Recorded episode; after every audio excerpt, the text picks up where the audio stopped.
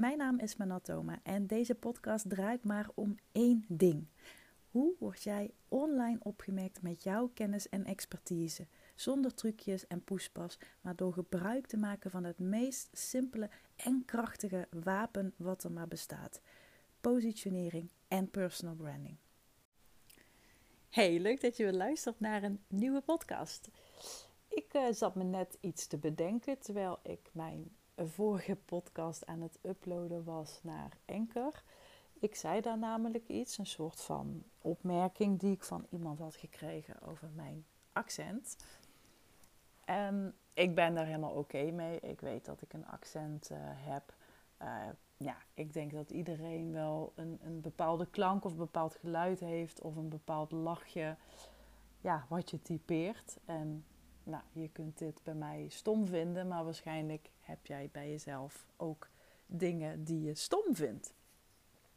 En het gaat er niet over dat je geen mening mag hebben over, nou, in dit geval iemand met een accent of iemand die misschien wel uh, hele dure kleding draagt of die er misschien juist wel uitziet um, als alsof ze als een of ander kluizenaartje leeft.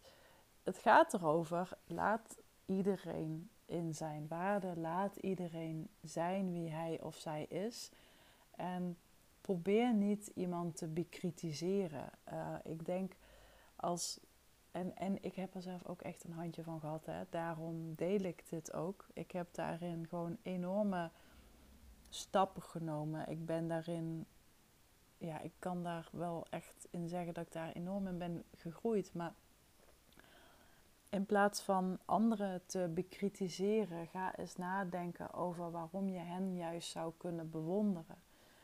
En dat punt wat je dan minder leuk vindt of minder waardeert, dat mag er dan ook zijn.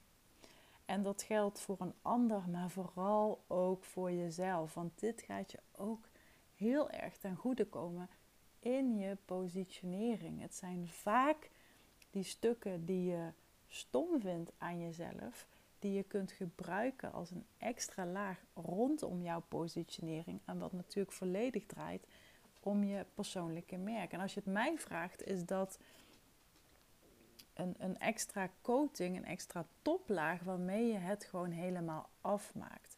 Want met je positionering, ja, het is heel erg gericht op hè, je ideale klantsegment, uh, je, je verdienmodellen, je kanalen, nou ja, kortom je businessmodel, maar ook vooral hè, waarom, nou, why the heck zou ik jou moeten kiezen, dat stuk.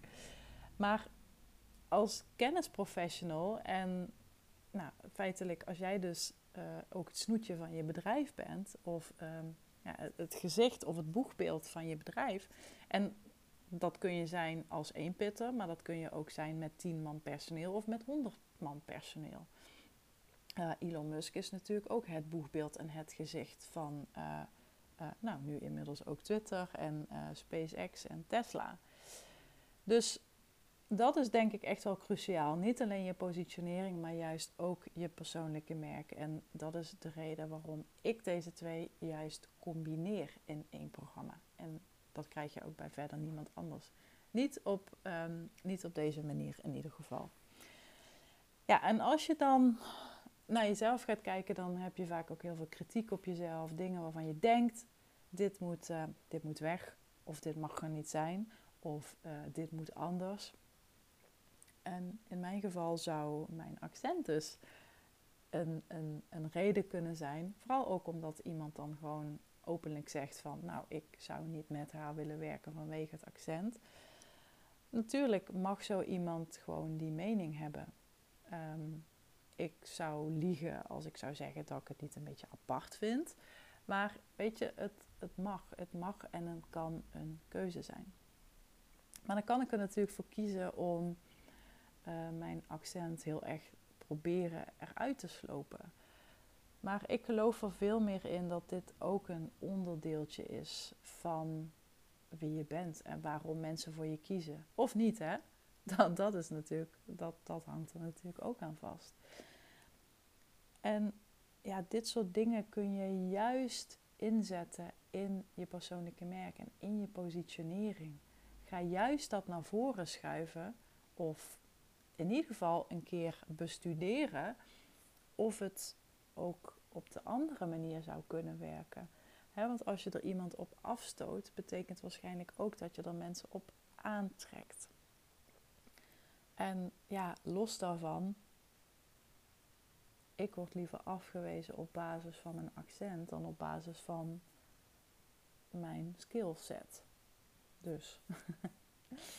dus ga daar eens over nadenken wat, wat er bij jou voor zaken, elementen, ehm, onderdelen, kenmerken kunnen zijn die je misschien wel stom vindt of die je misschien wel gek vindt. Uh, waarvan je misschien wel denkt, ja, moet ik, moet ik dit wel delen? Moet ik dit, moet ik dit niet wegmoffelen? Ga eens nadenken of het misschien iets zou kunnen zijn wat je juist niet weg, wegmoffelt, maar juist naar voren schuift. Ik denk dat het echt een stuk makkelijker wordt als je dat wat jou typeert niet uh, wegpoetst, maar het juist oppoetst. Goh, wat een mooie woordspeling weer. ik krijg vaker die opmerking van mensen dat ik zo goed met, uh, met woorden ben. anyway, ik hoop dat, uh, nou ja, dat dit je een op een bepaalde andere manier naar jezelf laat kijken, maar dus ook naar anderen.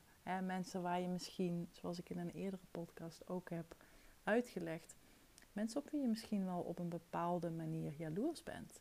En die je misschien wel wilt tussen haakjes neerhalen. Die je misschien wel in je content probeert te triggeren. Die je misschien wel probeert te, te, te bekritiseren. Maar denk dan eens na, wat, wat, wat zegt dat dan ook over jezelf? En zou je die energie niet veel beter kunnen richten op, op jezelf? Hoe kun je jezelf een keer op een goede manier bekritiseren? Wat kun je in jezelf eigenlijk verbeteren of anders doen of beter doen? En wat kun je juist in die ander bewonderen? En ik weet gewoon zeker dat deze shift qua denken naar jezelf en naar anderen, dat het gewoon een stuk makkelijker wordt. Dat je ook kan denken: oké, deze opmerking of deze mening of deze visie, die vind ik ruk. dat mag haal je schouders op en ga dan ook weer door. En ga dan niet volledig aan onderdoor. Weer een leuke woordspeling. nou, ik word een beetje melig, merk ik. Dus ik ga hem afronden voor vandaag. Let me know of, ehm, ja, of dit je heeft geholpen. Heb je vragen? Kom op de lijn. Wil je met me in gesprek over hoe ik jou kan helpen met mijn programma The Final Chapter? Ga dan even naar mijn website. Je vindt alle details daarover in de uh, beschrijving van deze aflevering. En dan spreek ik je heel graag de volgende keer weer. Bye bye!